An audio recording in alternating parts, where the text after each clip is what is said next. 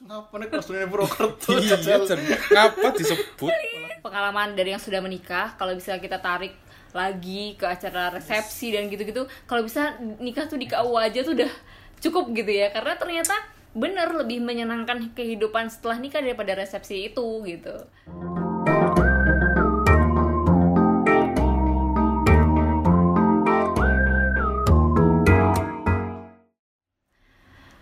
selamat datang di podcast Sumber Bahagia. Bagaimana? Apakah harinya?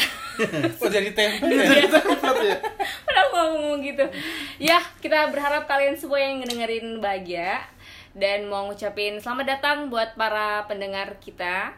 Bagi yang sudah mendengarkan, uh, we wanna say thank you so much. Dan buat yang baru mendengarkan, welcome to our podcast. Boleh Boleh Thank you Terima kasih Oke, eh, teman-teman mungkin kita mau kenalan lagi ya Ini adalah template wajib di opening kita Biar biar inget ingat terus sama kita. Jadi di sini kita bertiga speaker di podcast Sumber Bahagia. Aku Kiki. aku Yeye Aku Aski. Kita bertiga di sini akan bodoh sumber bahagia aduh Oke, kita hari ini sudah memasuki episode keempat dan ada tema spesial juga ya pastinya yang bakal kita bawain. Tapi sebelumnya kita mau explain lagi, kita mau ingetin lagi, kita mau kasih tahu lagi ke teman-teman semua bahwa please don't judge book from the cover. Ja- Jadi kita mau ngasih tahu teman-teman kalau misalkan sumber bahagia itu bukan sepenuhnya podcast. Yep. Ya, but But sumber bahagia adalah sebuah kingdom kingdom. Jadi pokoknya sumber bahagia itu adalah sebuah project. Jadi kita ada beberapa project dengan nama sumber bahagia. Dan salah satunya podcast. Tapi kita punya bigger project dengan nama sumber bahagia. Dan apa itu projectnya? Stay Sebentar tune. lagi. Jadi Sebentar lagi. stay tune aja. Sudah deket lah sama menuju bigger project itu. Yep. Semoga lancar semuanya, amin. Oke, hari ini kita mau ngebahas tema lagi-lagi something yang deket banget sama kita, yaitu kita mau ngebahas tentang family. Masih berhubungan ya sama yang Iya, kemarin. masih. Jadi mungkin agak naik satu tingkat ya. Kemarin kita sudah bahas tentang relationship dari pacaran, menikah, dan sekarang kita mau bahas yang eh, masih connected lah ya tentang keluarga. Jadi yang kita mau bahas adalah tentang persepsi keluarga menurut kita nih, menurut kita bertiga saat kita pas masih jadi anak. Ya sekarang tetap jadi anak sih. anak lah masa Maksudnya jadi bapak nggak jadi anak maksudnya kehidupan kita pas mungkin dari anak menuju dewasa lah ya sampai akhirnya sekarang kita sudah dewasa lah kita anggapnya gitu dan persepsi kita juga persepsi kita juga tentang future family yang kita pengen bangun tuh kayak apa kayak gitu dan seperti apa tema Ya. yang mau kita bahas just stay tuned after this Yap. stay tune Hai,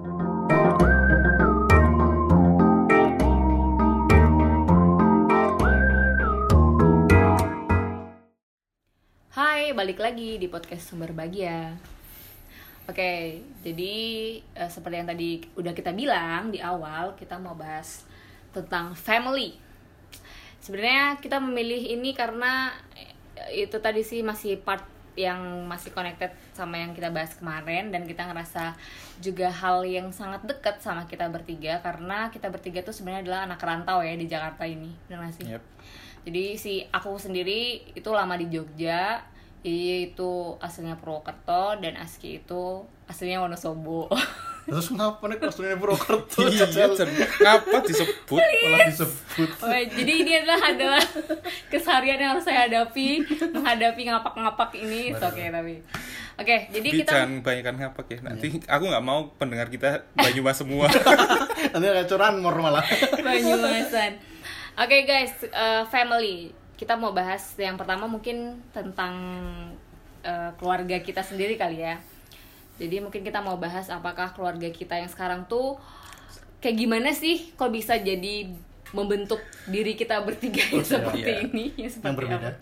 Ya, pasti kita sadar betul kalau misalkan kita pasti punya didikan beda-beda dari setiap keluarga. Ada yang liberal, ada yang sangat otoriter, ada Militer. yang ya eh, diktator banget, aduh serem banget bahasanya. Beda-beda pastinya, tapi eh, ada orang yang punya persepsi ya aku fine aja dengan didikan orang tua aku sehingga bisa jadi aku sekarang tapi ada juga yang aku nggak setuju kalau aku, bisa eh, nanti punya keluarga aku nggak pengen dididik seperti orang tua, tua aku mendidik kan ada juga yang kayak gitu Tapi ada juga yang terinspirasi dari didikan orang tuanya. iya ada juga pastinya ada yang pengen banget ya kayak Hmm, jadi kita mungkin akan ibunya. sedikit share di sini gimana sih keluarga kita eh, kurang lebih sedikit Gambaran. gambarannya dalam mendidik kita bertiga hingga akhirnya kita bisa jadi di pribadi yang seperti saat ini. Oh siap. Siap. mungkin dari siapa mau Kalian dulu telling story dulu? Keluarga aku nggak seru. waduh. Se- sejatinya keluarga aku juga biasa-biasa saja tidak seru. Waduh. Soalnya aku sama keluargaku tuh relatif tidak dekat. Oke. Relatif tidak dekat maksudnya kita quality time kan ada orang orang yang di keluarganya quality time-nya harus ketemu ngobrol cerita banyak terus menunjukkan rasa punya sayang. grup aktif ya punya grup aktif Grup WA. guyonan aktif Itu di tolak WA. ukur keluarga seru ya Iya, kayaknya keluarga punya grup kayaknya WhatsApp. bisa guyonan di WhatsApp gitu kan Iya. sekarang bisa share-share satu Mm-mm. dan lain hal yang menurut mereka satu frame tapi enggak aku nggak ada gru- grup WhatsApp sampai saat ini keluarga inti kalau keluarga besar ada Mm-mm. dan cara penyampaiannya ada mungkin beberapa keluarga yang karena dekatnya by lisan menyampaikan rasa sayangnya dengan ya sayang anakku sayang, sayang. dan segala macam gitu. Kayak- jadi di keluargaku kayak kita tahu kita saling sayang tapi ya udah nggak usah disampaikan gitu loh. Kita tahu kita saling peduli satu sama lain nggak usah saling bicara juga sama satu sama lain kayak gitu. Jadi biasa-biasa aja sih sebenarnya buat keluargaku seperti itu. Nggak terus sampai akhirnya kamu sampai seperti ini tuh apa yang terjadi? yang terjadi sebenarnya ada turning point. Wah siap turning point Oh. loh. Jadi didikan keluargaku dari dulu tuh membebaskan aku untuk mengeksplor. Mungkin kayak usia-usia usiaku misalnya sebutlah dari SMP gitu. Dari SMP ada beberapa anak yang nggak boleh pulang malam. Jadi karena aku dikasih kebebasan itu aku malah jadi ngerasa nggak tahu ada beberapa orang yang menyalahgunakan tanggung jawabnya ya jadi maksudnya tidak Oke. bertanggung jawab tuh aku bisa bertanggung jawab dengan diriku sendiri sampai misalnya nih sampai aku udah janji sama diriku aku nggak ngerokok gitu ya sampai detik ini aku nggak ngerokok hmm. maksudnya hal-hal poin-poin kecil gitu kan mungkin anak kecil kalau udah ngerokok kan kadang ada labeling kan Ya. Berarti aku bisa pulang malam segala macam dikasih kebebasan ngeksplor, mainlah buat banyakin temen kasarnya gitu. Sebenarnya kayak gitu tapi ada beberapa sisi kolot dari ibuku. Ibuku karena dari pedesaan di Magelang, jadi ada sedikit kolot kalau main tuh buang-buang waktu, main tuh cuma ngabisin duit. Padahal kan kalau kita nih main ya nambah relasi. Ya. Apalagi di masa SMP SMA yang memang masih butuh banyak pergaulan mencari kan. jati diri Ya judulnya sih mencari jati diri. Gitu. Oke, tapi aku mau nanya dulu. eh, tadi kan kasih kebebasan. Terus batasan kan pasti kan orang tuh orang tua tuh yang memberi kebebasan tuh bi- biasanya bilangnya dengan bebas bertanggung jawab. Terus kadang masih ada batas-batasannya. Nah, batasan-batasannya gimana? Kalau untuk cowok sendiri ya. Kalau cewek kan pasti Ya. tetap disew ditanyain gitu walaupun boleh pulang malam tapi tetap kapan pulang kapan pulang kayak gitu. Kalau cowok Aku bener-bener nggak ditanyain. Mungkin beruntungnya aku adalah aku anak kedua. Gitu ya, aku anak kedua dari tiga saudara. Aku anak kedua dan kakakku lebih nakal. Oke. Nakal maksudnya Oh, kayak dia tuh yang babat alas gitu loh.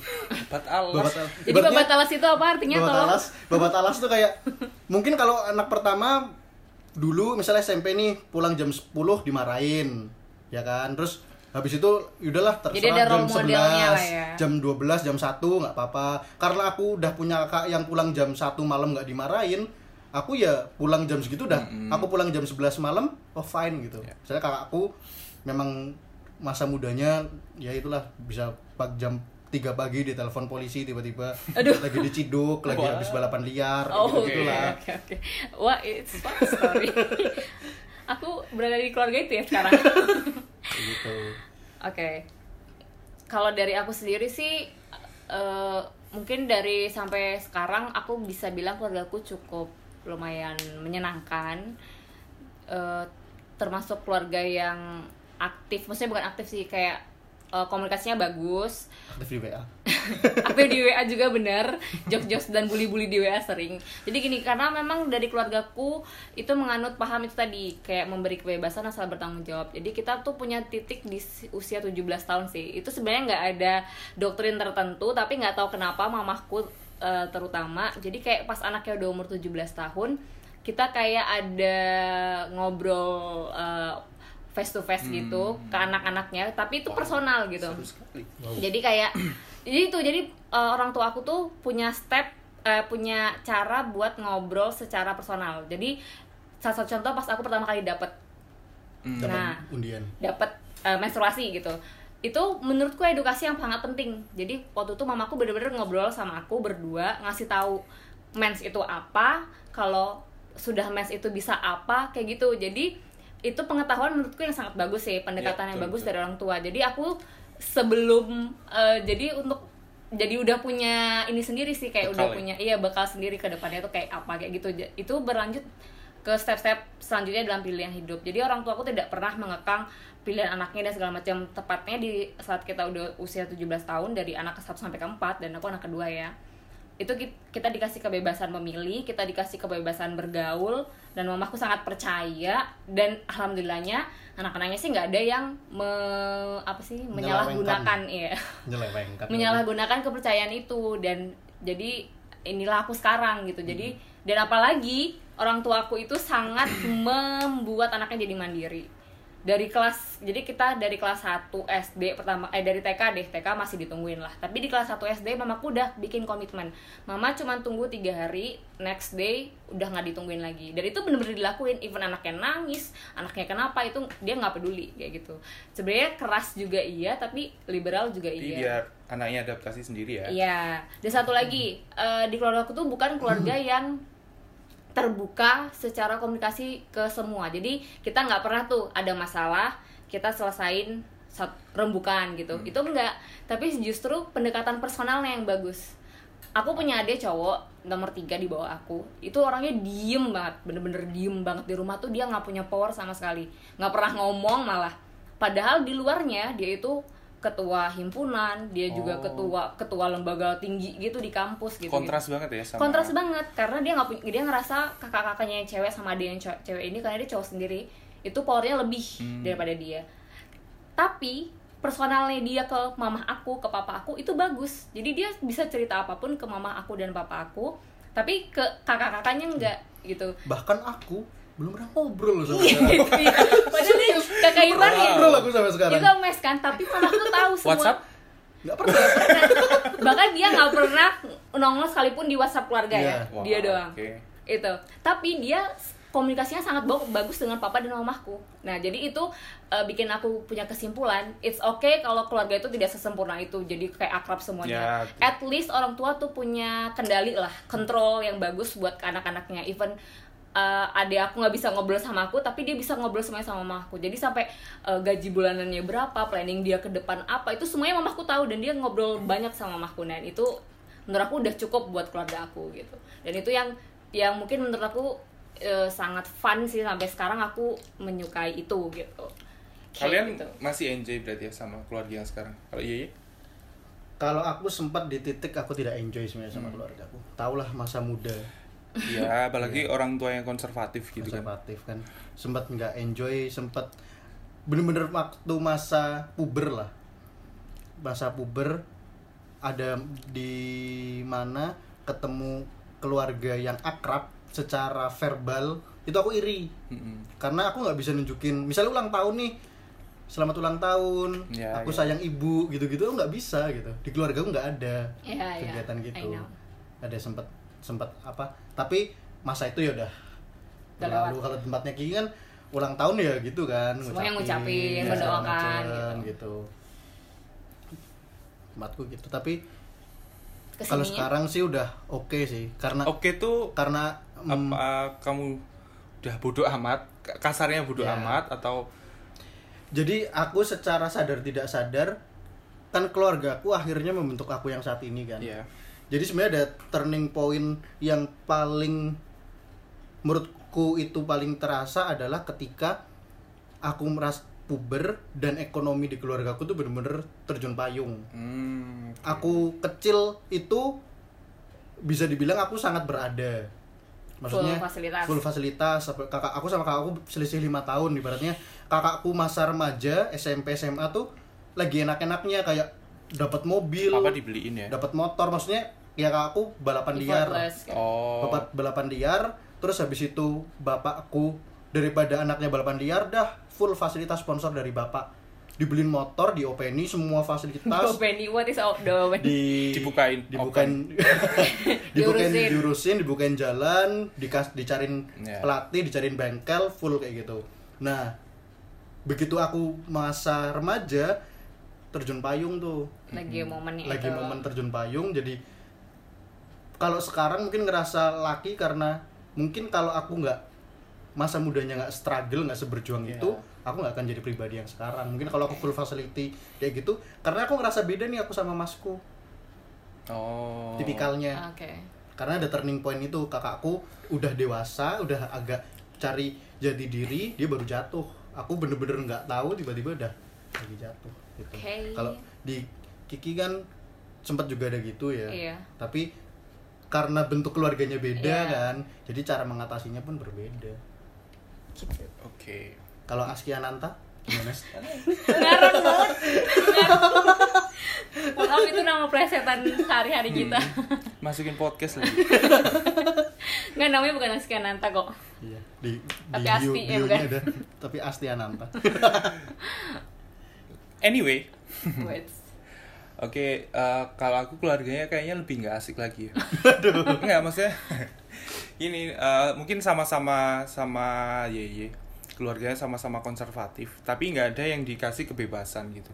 Hmm. Dalam artian yang tadi Ye bi- bisa pulang sampai malam, aku tuh dulu masa SMA aku tuh dibatasi sampai maghrib.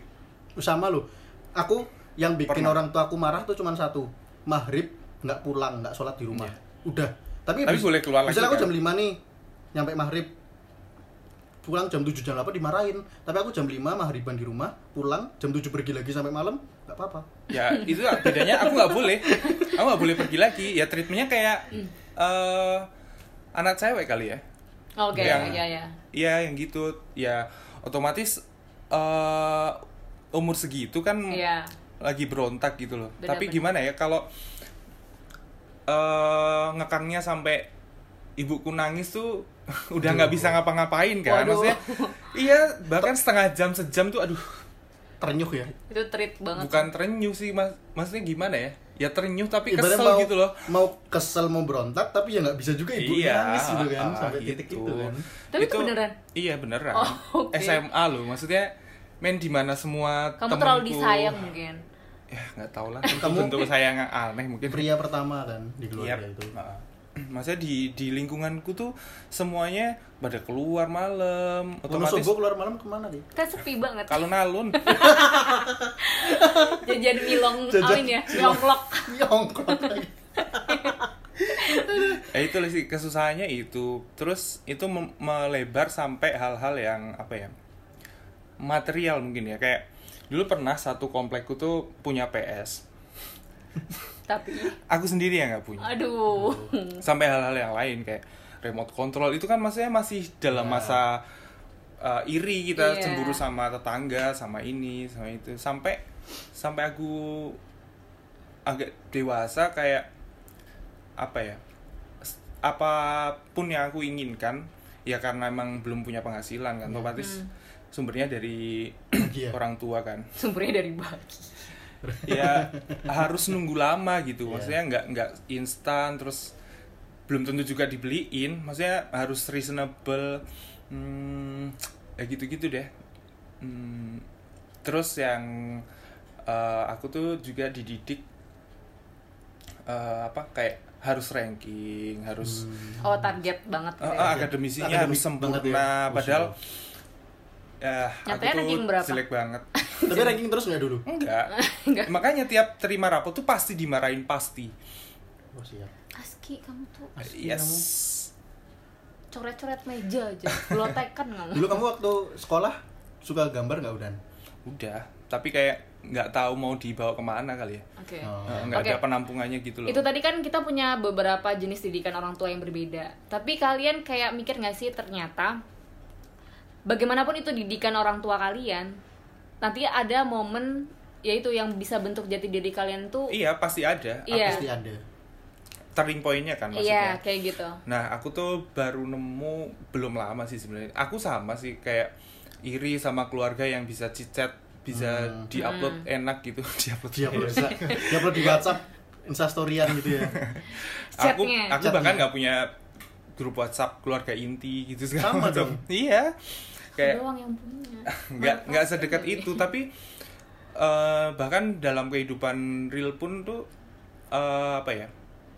rasa sayangnya tuh sama mungkin ya kayak keluarganya yang disampaikannya tuh dengan diem ya kan kita tahu sama-sama sayang quality time gitu tapi peduli sama paling sama lainnya. quality time paling bagus tuh ya diem iya bahkan cara komunikasinya terutama bapakku itu cenderung yang otoriter gitu Hmm. nyuruh gitu nah turning pointnya adalah eh aku ingat bapaknya bapakku Kakek kamu. Kakek. iya Ribet. itu jauh sepuluhan kali lipat Otoriter. otoriternya lebih dari bapak cuman Soeharto ya soalnya Hmm.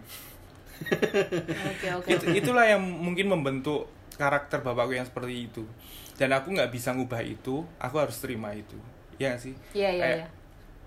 oh fine aku harus harus terima ini keluargaku aku nggak milih dilahirkan di keluarga Iya, seperti iya, ini sampai eh, apa ya kan sampai ke karir kan maksudnya aku pertama kali menginjak menginjak apa namanya pertama kali Menitih. eh, nge memilih jalur memilih jalur desain grafis tuh ya bapakku sama ibuku pasti menentang Oke. Karena basicnya lulusan Eh, akuntansi. lulusannya akuntansi ya sampai per- hari pertama datang ke perantauan tuh udah disuruh cari kerja lagi Padahal baru keterima ya. kerjanya belum ya Kerjanya belum baru nyampe Jakarta ya. iya sampai segitunya gitu tapi ya aku tipe orang yang nggak bisa uh, apa ya nggak bisa akur gitu dalam menentukan hidupku sendiri gitu. Oke. nah caranya adalah dibuktiin Iya. karena apa ya sampai sekarang tuh akhirnya mereka bisa ngerti bisa support bisa kasih yang dulu nggak per- eh, yang nggak yang dulu nggak dibolehin ke mana-mana sekarang aku pengen ini aku selalu konsultasi akhirnya ya silakan yang penting pilihannya bagus gitu. Oke. soalnya sama ini sih yang eh, paling eh, ngena itu adalah karena aku susah ya dapat apa pun dari orang tua Iya. Iya. itu kayak aku tuh jadi ngerti Eh, karena kalau ketika semua fasilitas kita dapat udah nggak ada kesabaran dan sense of struggle itu udah nggak ada Iya, itulah yang benar. menurutku eh, bisa membentuk aku sampai sekarang sih. That's true. ya btw tentang sense of struggle tuh turning pointnya relatif sama sih iya Iya, iya. karena kayak- aku pernah mengalami, Yeye Iya. pernah ngalamin. aku masa kecilnya tuh sempet waktu masih zaman jaya dulu aku nangis dikit minta kaset PS gitu pasti di malah aku Ya. nangis nih nangis ngerengek dikit minta RC minta kaset PS minta ya gitu hal yang gitu pasti se- disetujuin tinggal Dibeliin gitu. ya tinggal nangis lah kasarnya Hmm. anak kecil kan cuma senjatanya Ya. nangis kan nangis disetujuin gitu pasti dibeliin gitu turning pointnya ketika memang lagi turun itu ekonominya nggak dibeliin sempat berontaknya itu aku pengen A pengen B pengen C kayak dulu PS1 teman-temanku pada belum punya PS1 zaman Nintendo deh Nintendo terus Sega PS1 itu teman-temanku pada belum punya aku udah punya duluan. Hmm. turning pointnya ketika PS2 temanku punya Kamu nggak aku nggak punya nggak bisa buat beli PS2 Nah, bedanya adalah mungkin dari segi ekonomi keluarga gue relatif stabil, tapi memang karena dia punya reason eh, keluarga gue beliin, tapi karena komunikasinya yang diem-dieman itu, Mm-mm. ya udah nggak boleh Iya, aja, ya boleh gitu aja. loh. Iya, Iya, jadi bukan karena keuangan yang bikin kesimpulan Ah, ah, sendiri ya. ah, ah.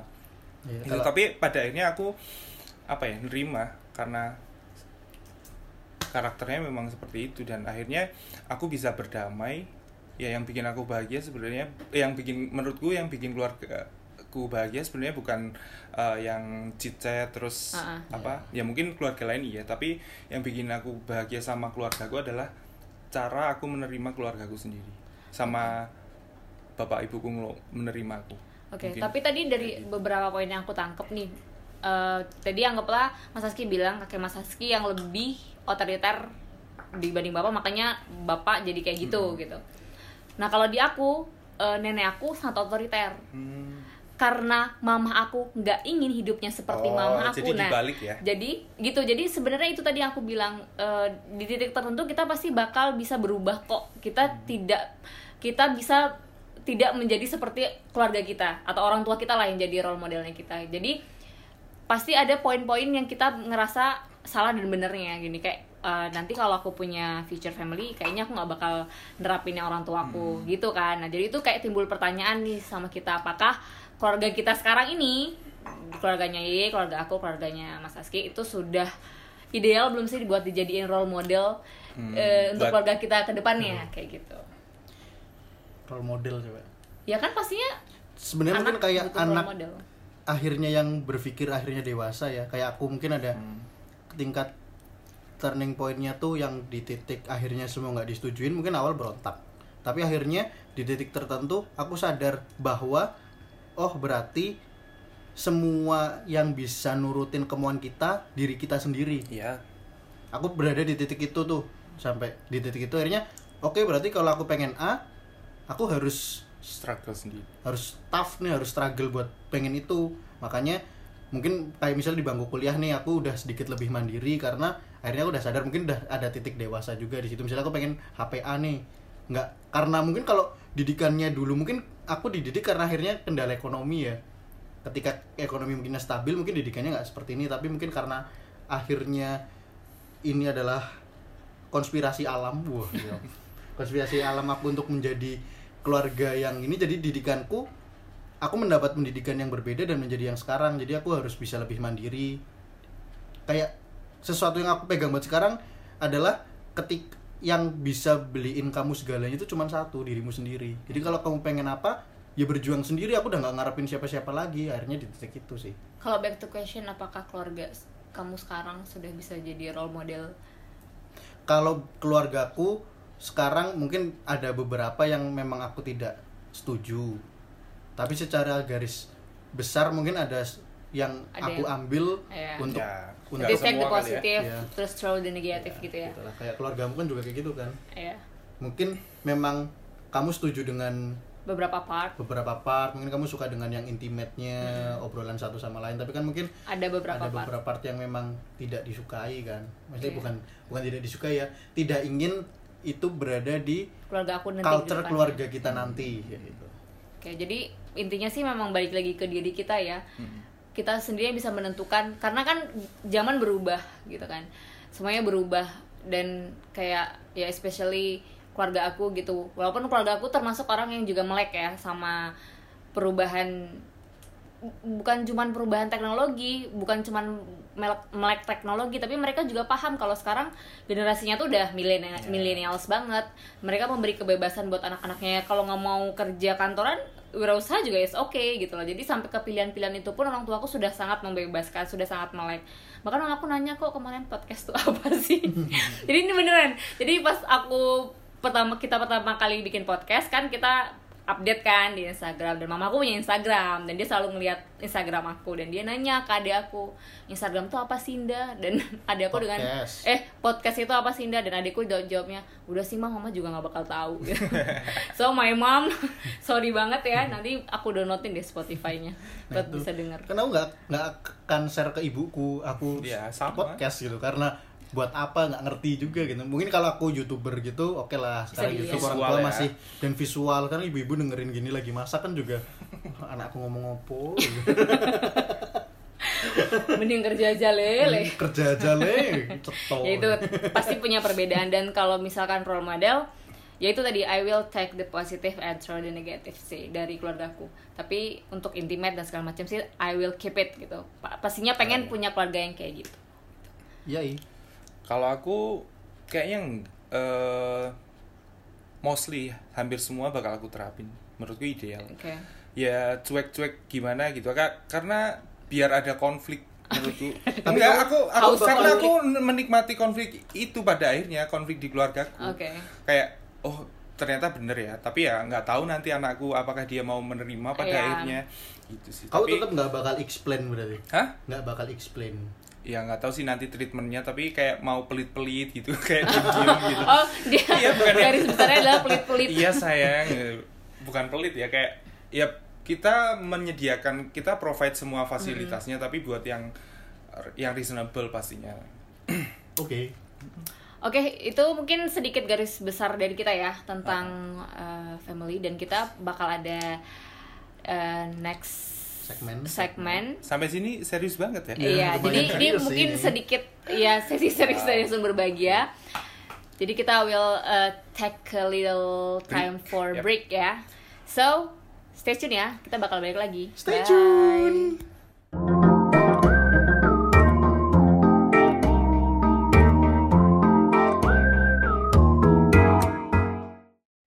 Yes, hai balik lagi. Sudah sedikit renggang-renggang. Aduh, renggang-renggang lagi. Pegel-pegel punggung. Kita breaknya sampai Stretching. tadi. Kita sempet panggil gos go masas Gosan gitu. lagi. Gos. wow, apa apa dikit salah. Oke, tadi kan kita sudah eh, segmen sebelumnya kita sudah agak serius ya bahas tentang keluarga karena itu memang wah, intimate banget. Sebenarnya tadi pengen me- sambil ada backsound lagu opik gitu. Terangkat. Terus ada ESQ itu loh. Bayangkan deh kalau kamu pulang ke rumah. Tahukah kamu gitu. Iya. Yang pertama kali membawakan kamu makanan. Ibumu kalau Go food padahal. masih laku nggak sih Eski masih, Masih lah, towernya masih towernya segede masih- itu. oh shit nih Tower. Masih itu treatment loh, treatment treatment. Ya kalau misalnya yang UN UN itu kan masih oh iya Kalian tapi pernah pernah nggak sih berada di momen yang sebenarnya kalian nggak pengen nangis tapi gara-gara Iya. kanan Ya, kiri kalian nangis. Atmosfernya masuk banget kayak sih. nggak nangis tuh malu ya Iya, kayak iya. nggak punya keluarga kayak iya loh bener loh. Kayak Iya kan? kamu kok nggak deket sama iya kan iya kan seolah dulu tuh stereotipnya tuh kayak keluarga tuh harus deket kan Iya, Iya kan? apalagi SMP SMA kan Iya. ya. Anak SMA gitu kan. Iya kan? Ini nggak nangis tuh keluarganya broken. Iya, jadi kayak Oh, nangis. maksudnya ada ada something something yang mungkin kita nggak apa-apa ya nyebut brand ESG Eh, nggak apa-apa. Itu kan kita sudah so- soalnya rata-rata eh, murid-murid dan siswa-siswi Iya, Indonesia kan iya. melewati momen ISK ya pastinya. Q terus ya gitu lah. Oke. Eh, tadi kan kita sudah sedikit bahas nih tentang family kita dari aku Kiki, eh aku Kiki. Ya, kamu Kiki tahu. Aku Kiki. Aku ya ya. Lagi aku Dari- aski countering dari eh, aku Yeye dan juga Aski tentang keluarga kita gitu kan dan juga eh, pilihan kita apakah menjadikan keluarga kita role model untuk future family kita gitu. Nah di segmen ini kita bakal bahas mungkin yang lebih ke future yang kita pengen tuh kayak apa sih kalau nggak pengen eh, punya role model ataupun yang sama ataupun bayangan kita deh role model atau future family kita kayak apa gitu ya. Nah tapi sebelumnya pastinya kalau mau punya keluarga punya pasangan dulu. Oh, Mas, masa sih Bisa loh monogami.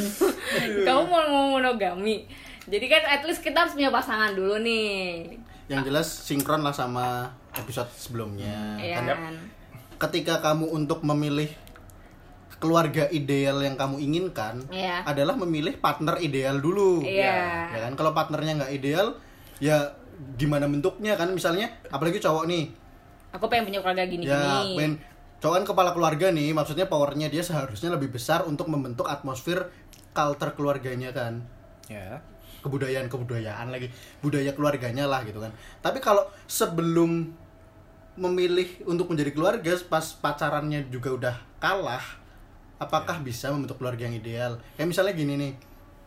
Kamu pacaran nih, kamu tahu pacarmu matre misalnya gitu kasarnya. Matre. Waduh, ya kamu tahu pas pacaran aja matre udah dimintain ini itu bla bla bla bla. Kalau kamu kaya mungkin ada beberapa persepsi Ini matre itu lu, matre ya. maksudnya ce- yang ceweknya nih. ceweknya matre. Oke.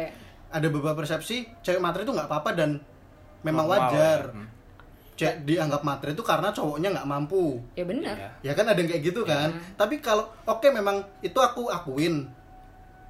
Ada cewek yang sebenarnya bukan matre realistis. Yang Bahasanya gitu. sekarang ya tuh kan realistis. dibenarkan dengan realistis. realistis karena cowoknya nggak mampu tapi kalau ini misalnya nih kamu bener nggak mampu nih kamu berdarah darah kamu kerja sendirian banting tulang buat keluargamu misalnya tadinya Wow. prioritasnya adalah keluargamu nih terus berubah jadi prioritasnya cewekmu cewek loh bukan istri. Wow. Belum jadi istri. belum jadi istri mungkin calon istri ekstrim itu ya? misalnya gitu prioritasnya berubah jadi calon istrimu yang minta bla bla bla yang menurutmu tuh sebenarnya nggak rasional. Kan itu matre kan seperti love is blind Oh, bro siap. nah ketika di titik itu kamu tahu nih ini cewek matre nih aku udah berdarah-darah sendiri aku susah nih aku nggak bisa share ke siapa pun karena menurutku aku nanti mungkin malu atau segala macam persiapan menikah gitu kan segala macam tapi untuk menjadi keluarga yang ideal harusnya kamu bisa nentuin sikap nih kalau kamu tahu cewek yang matre ya nggak usah dinikahin Ya, itulah fungsinya pacaran ya. Kayak Fungsinya kita yang kita kemarin ngobro- ngobrolin kan Trial and eh, error. trial and error kan sebenarnya. Makanya eh yang kemarin kita sempat singgung ya kenalan sama sebanyak-banyaknya orang ya gitu. makanya kamu kan lima tahun kemarin rugi kan Kayak pengen balik 20 lagi. lumayan ya bisa nyoba Iya. icap-icip sana sini kan Astagfirullah, enak itu. Ya, jadi kan berarti kan eh, pondasi untuk memilih pasangan agar terciptanya keluarga yang ideal menurut kita tuh penting kan. ya Nah, terus kalau misalkan ya, kayak tadi sih misalnya kasusnya ceweknya matre gitu. Tapi kan kalau cowoknya menerima dan merasa ya ya karena aku sudah komitmen untuk menerima semua penderitaan ini misalnya. Iya, misalnya katakanlah aku mungkin di titik awal aku akan menerima apa adanya. Wah sih, aku atau aku cinta kamu segala Itu macam mungkin gitu kan. apa ada Tapi ada apanya? ada di titik tertentu udah nggak rasional lagi kenapa disebut matre nih misalnya. Hmm. Misalnya memang dari keluarga yang kaya raya, kamu udah generasi kedua, generasi ketiga, kamu dari kecil full fasilitas, misalnya gadget selalu spek tertinggi, Hmm. kuliah SMA udah dapat mobil katakanlah gitu buat keluargamu liburan ke luar negeri hal yang biasa gitu oke lah dapat cewek yang mungkin mintanya macem-macem itu standarnya sama gitu loh Ya. tapi kalau kamu mungkin dari keluarga yang relatif biasa maksudnya dari kecil fasilitasmu adalah yang kamu perjuangkan sendiri gitu loh. Ah. tapi kamu dapat cewek yang standarnya tuh di atas itu tadi.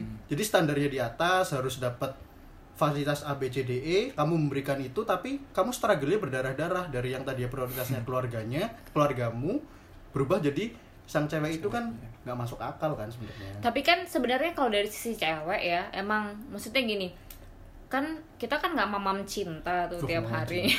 ya bukan itu kan yang jadi eh, apa sih kayak basicnya cewek dalam memilih cowok kan kita nggak makan cinta, kita juga butuh bla bla bla bla kata gitu kan. Makanya muncullah kata-kata realistis itu tadi. Ya. kan pada sakit hati tuh kalau dikatain matre aku juga marah kalau dikatain Iya, matre. Matre lu gitu. Padahal kan aku nggak matre ya cuman itu gaji kamu sebenarnya semuanya buat aku. Waduh iya juga sih. Nggak benar-benar jadi kadang cewek-cewek yang realistis ini yang aku sendiri sih sebenarnya nih kalau milih pasangan otomatis mapan tuh punya standar yang beda-beda ya. At Ya. least dia sudah punya pegangan lah. Nggak mesti yang harus kayak raya dan segala macam kita bisa eh, apa growth bareng dan segala macamnya cuman ya itu cewek-cewek yang eh, takarannya realistis yang yang realistis yang harus terpenuhi semuanya itu yang mungkin memberatkan kali ya. Nah tapi kalau buat cewek-cewek yang berpikir realistis karena aku hidupnya harus ke depan karena gini kalau di awal cowoknya ini juga udah nggak jelas, maksudnya eh, future-nya lah masa depannya tuh belum jelas. Ini mau gimana? Tapi aku cinta banget nih. Tapi kita belum ngerti nih ke depannya gimana. Itu justru nambah konflik nggak sih? Yep. Nah, at least kalau kita menikah dengan pasangan yang sudah bukan mapan dalam artian sudah punya pegangan lah gitu. Ini udah kelihatan nih eh ke depannya bakal jadi apa, kayak gimana. Mungkin kalaupun dia pegawai eh, etos kerjanya bagus etos gitu kan. etos. Ataupun kalau eh, dia punya apa sisi entrepreneur dia tuh memang orangnya ulet dan segala macam kita bisa nilai kan di pasangan kita. Ya itu itu kita bisa bilang ya kita harus realistis dengan itu kita harus perjuangin itu tapi kalau realistis yang harus punya mobil dulu rumah dulu gitu-gitu ya itu udah ke terlalu realistis sih kalau menurut aku Iya sih, soalnya kan makanya dibahas di episode sebelumnya semua tuh by order idealis masing-masing. Iya. Jadi mix and match-nya itu tadi kalau memang di awal nggak match, ya nggak Ya, usah jangan dipaksain. dilanjutin. Ya. Karena tahu nih misalnya standar ceweknya tuh standar atas gitu loh. Kita misalnya ceweknya tuh katakanlah skornya 8. Kita 6 nih awalnya. Kita menuju 8, kita berjuangnya mati-matian gitu. Kita di di titik di titik 8. Tapi karena 8 itu kita berjuang sendiri kan kita mungkin bisa turun nih beda dengan orang yang dari lahir dah levelnya 9 Yep. untuk menuju titik 8 lah Ya, gampang banget makanya kan tujuannya pasangan dan segala dibahas minggu lalu tuh mix and match untuk mencapai relationship yang akhirnya bersepakat untuk menikah itu kan butuh klop satu sama lain kan apalagi untuk mencapai future family yang mereka kehendakin jadi bisa dibilang kalau idealis eh, masing-masing tuh fondasi yang penting ya buat eh, Keluarga. keluarga, keluarga, ke depannya gitu. Nah, kalau misalkan future family, kalau di sini kayaknya kita bakal ngobrol dua sisi deh, Mas. Ah, ah. Karena kan kalau ngomong future family kan aku dan Nini punya satu future, kamu kan belum ada. punya future-nya sendiri Iya. Nangis. Jadi kan Punya kita future-nya duduknya sendiri. deketan deh, Beb. Oh, siap Waduh, aku ke kamar mandi. Nggak, jadi gitu. Kalau misalkan ngomongin future family yang pengen kita bangun, ya aku mungkin bakal jadi satu suara. Pastinya aku udah punya bulan. Jadi mungkin Ya dari iyalah. jadi Mas Aski dulu deh. Apa yang pengen ini Iya. ya? Yang pengen aku bangun. Iya. Iya, kayak Keluar. kayak gimana sih keluarga? Iya itu yang tadi aku bilang, aku nggak pengen jauh-jauh sebenarnya eh, kayak apa yang didikan keluarga aku lakuin. Mungkin kalau aku ditanya hal seperti ini di usiaku 4 20. tahun lalu, aku bakal aku nggak bakal mau punya keluarga yang kayak gini. Eh, kayak Iya. nggak sadar ya bakal gue nggak akan mau punya. Iya kayak gitu, tapi akhirnya sadar ya. Eh, karena itu yang tadi aku bilang eh, keluarga yang seperti itu menimbulkan sense of struggle kayak lebih sabar gitu. ya aku bakal ngakuin hal yang sama kemungkinan hashtag aski sudah dengan dewasa apa ya? Tapi kita kan nggak mungkin nggak sepenuhnya bisa ngontrol anak kita ya. Siapa tahu eh, apa resistensinya lebih besar, Iya. penolakannya tuh dia bakal lari ke mana sih gitu? Apakah dia apalagi zamannya sudah berbeda Iya, pasti mungkin dia bisa uh, lebih cepat sadar waktu umur 17-an bisa jadi kan, misalnya. Hmm, Tapi kalau sampai umur 20-an belum sadar, kan belum tentu kan, belum tentu anakku bakal uh, sama, sama kayak sadarnya kamu kan. kayak aku di usia 25 gitu. Tapi so far gambaranku ya karena belum punya pasangan ya.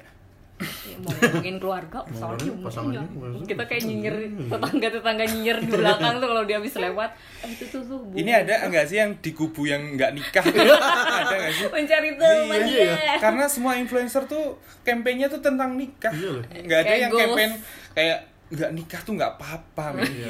Ya, Kamu sekarang- mungkin pelopornya. iya ya followernya dikit Saya kan yang banyak apalagi nikah. Ah, ah. Anak kecil dijual cuy. Wah, aduh. jangan dijual dong Iya, maksudnya di bukan dijual ya, endorse. Maksudnya, iya, maksudnya kan sekarang family Instagram itu kayak ngelihat anak kecil yang lucu tuh Expose. gol banget cuy. Anakku harus lucu nih, harus dan nggak ya. ada yang campaign bahwa sebenarnya nggak menikah tuh nggak apa-apa kan maksudnya campaignnya Iya. nggak sebesar menikah, Menikah dan punya gitu. keluarga gitu Soalnya influencer pada menikah dan mereka mem- kayak nge- memberi contoh hidup mereka after married kayak Iya. gini loh. Iya, That's Cara-caranya kayak gini loh, cara-cara parenting, cara-cara ya bla bla bla lah. aku uh-uh. dan aku tuh emang sebenarnya tertarik sih sama yang kehidupan after marriage gitu Uh, mak- maksudnya apa ya Uh, kita kayak uh, apa namanya nanggung hidup tuh berdua gitu nggak Iya. sendirian tapi uh, apa ya kayak tadi kan kita baru kondangan ya Iya, jadi tadi kita kondangan. kondangan Kondang-in. iya nggak perlu disebutin Iya.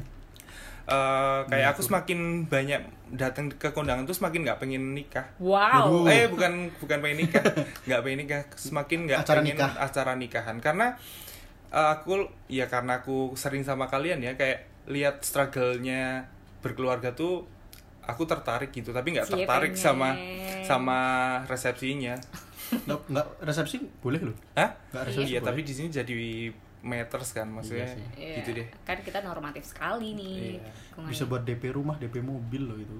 Kalau bisa dibalik ya. Kalau bisa Tapi bener dibalik sih guys, ini eh, pengalaman dari yang sudah menikah. Kalau bisa kita tarik lagi ke acara resepsi dan gitu-gitu. Kalau bisa nikah tuh di KUA aja tuh udah cukup gitu ya. Karena ternyata bener lebih menyenangkan kehidupan setelah nikah daripada resepsi itu gitu. Kayak cuman sehari ngabisin persiapannya sekian lama ngabisin dananya sekian lama ya itu masalah Ya kan? itulah Iya gitu. Nah gini, terus misalnya kan future family menurut aku dan ini tadi udah dari Mas Aski. Mungkin nanti ada yang mikir Allah kalian ini ngomong-ngomong future family eh, anak aja belum punya, ini aja belum punya gitu kan. Jadi gini, guys tolonglah buka pikiran kalian. Kita ini hidup di zaman yang sudah berbeda. Jangan kalian tuh mau eh apa ya mau nikah besok ibaratnya terus persiapannya sejam sebelumnya kayak ibaratnya kayak gitu loh Nikah besok loh Iya. Jadi tuh please mindset tuh panjang gitu loh. Karena kita tuh emang bener-bener hidup di zaman yang sudah berbeda dari zaman ibu bapak kita gitu. Yang mungkin ibu bapak kita mendoktrinnya ya udah karena dulu orang tua aku kayak gini, ya anakku kayak gini dan kalau bisa sih kita jangan kayak gitu dan aku nggak pengen kayak gitu gitu loh. Kenapa kita bahas ini? Karena aku, Yeye dan Mas Aski itu pasti juga pengen punya future family yang perfect menurut kita gitu kan. Dari nanti didik anak gimana, punya komunikasi keluarga gimana. Jadi kenapa kita ngomongin ini?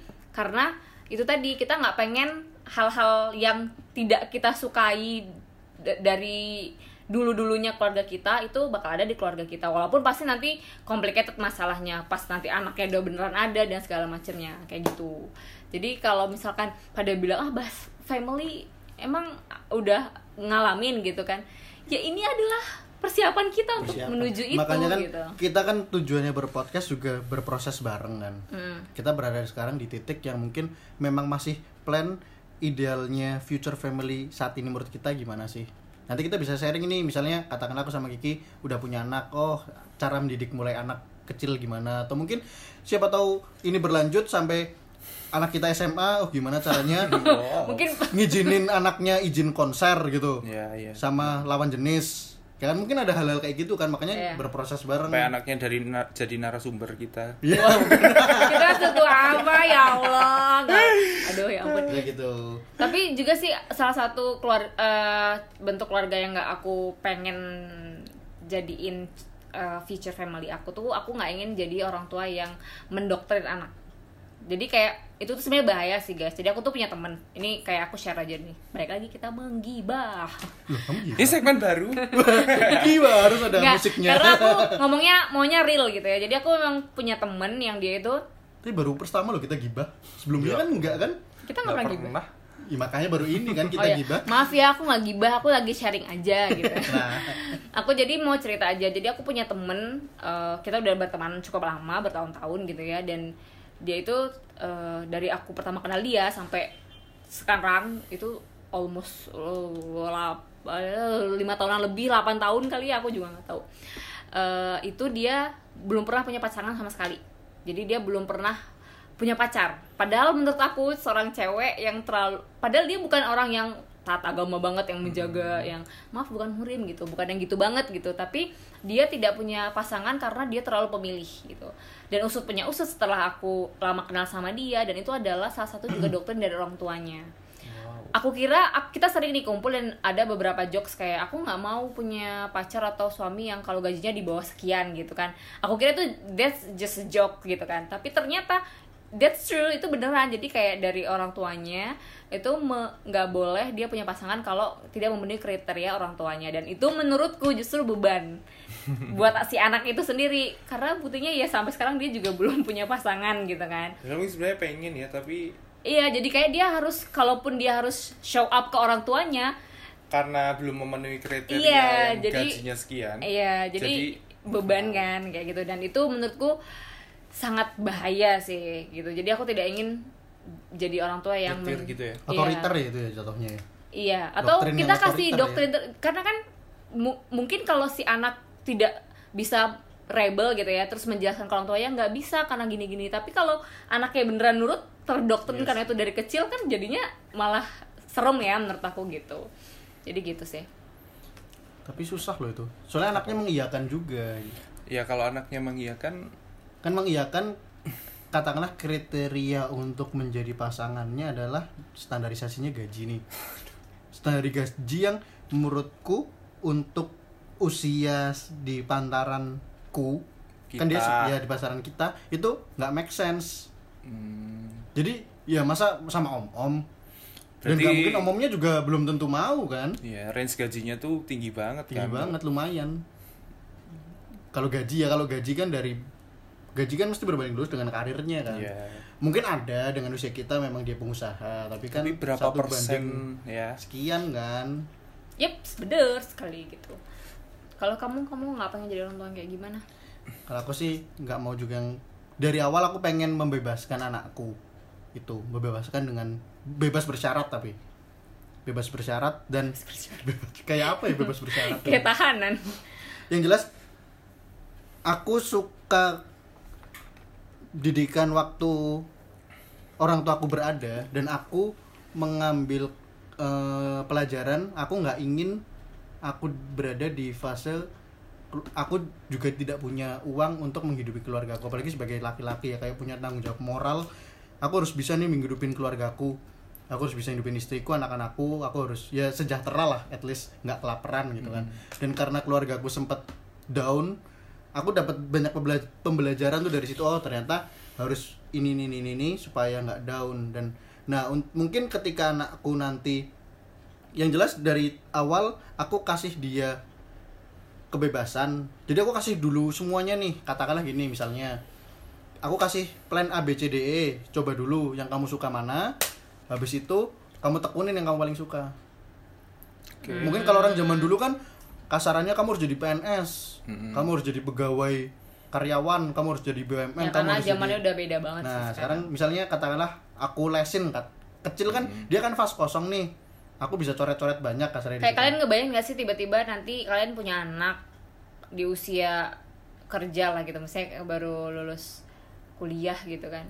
Terus bilang, pengen kerja di mana nak? Terus aku mau bangun startup aja ya bu gitu misalnya gitu kan. Itu kan kita sudah harus siap ya karena sekarang tuh udah beda banget gitu loh Iya. karena ya kayak aku pernah baca kutipannya uh, Najwa juga ya kayak ya build your dream dari sekarang tuh karena generasi dan zaman sudah beda. Yaitu kita sebagai orang tua jangan terdoktrin banget gitu loh yang kamu harus kerja di BUMN karena kamu harus jadi PNS gitu-gitu. Itu karena sudah sangat berubah. Ya eranya udah berubah makanya dikasih eranya. tujuannya waktu kecil dikasih bekal dulu semua dia pilih nih kalau oh ternyata oh bakatnya gambar katakanlah gitu. Yaudah bahkan aku pribadi nggak apa-apa kuliah akademikmu tidak terlalu menonjol Iya. tapi kamu harus bertanggung jawab dengan apa yang kamu sukai Iya benar. at least itu ya semoga kita bisa mewujudkan semoga bisa itu gitu. makanya tadi ngomong berproses siapa tahu nanti narasumbernya anaknya Itu episode keberapa? ya? episode berapa coba kembali lagi ke podcast kita udah tua banget ya udah tua Terus yang nggak pengen ya, yang terlalu manutan kali ya, terlalu nurut gitu. Anaknya kayak ya? eh, eh, kayak nggak ada nah itu tuh rebel-rebelnya gitu. nggak seneng loh malah Iya makanya anak yang anak nakal tuh nggak apa-apa iya emang nggak apa-apa.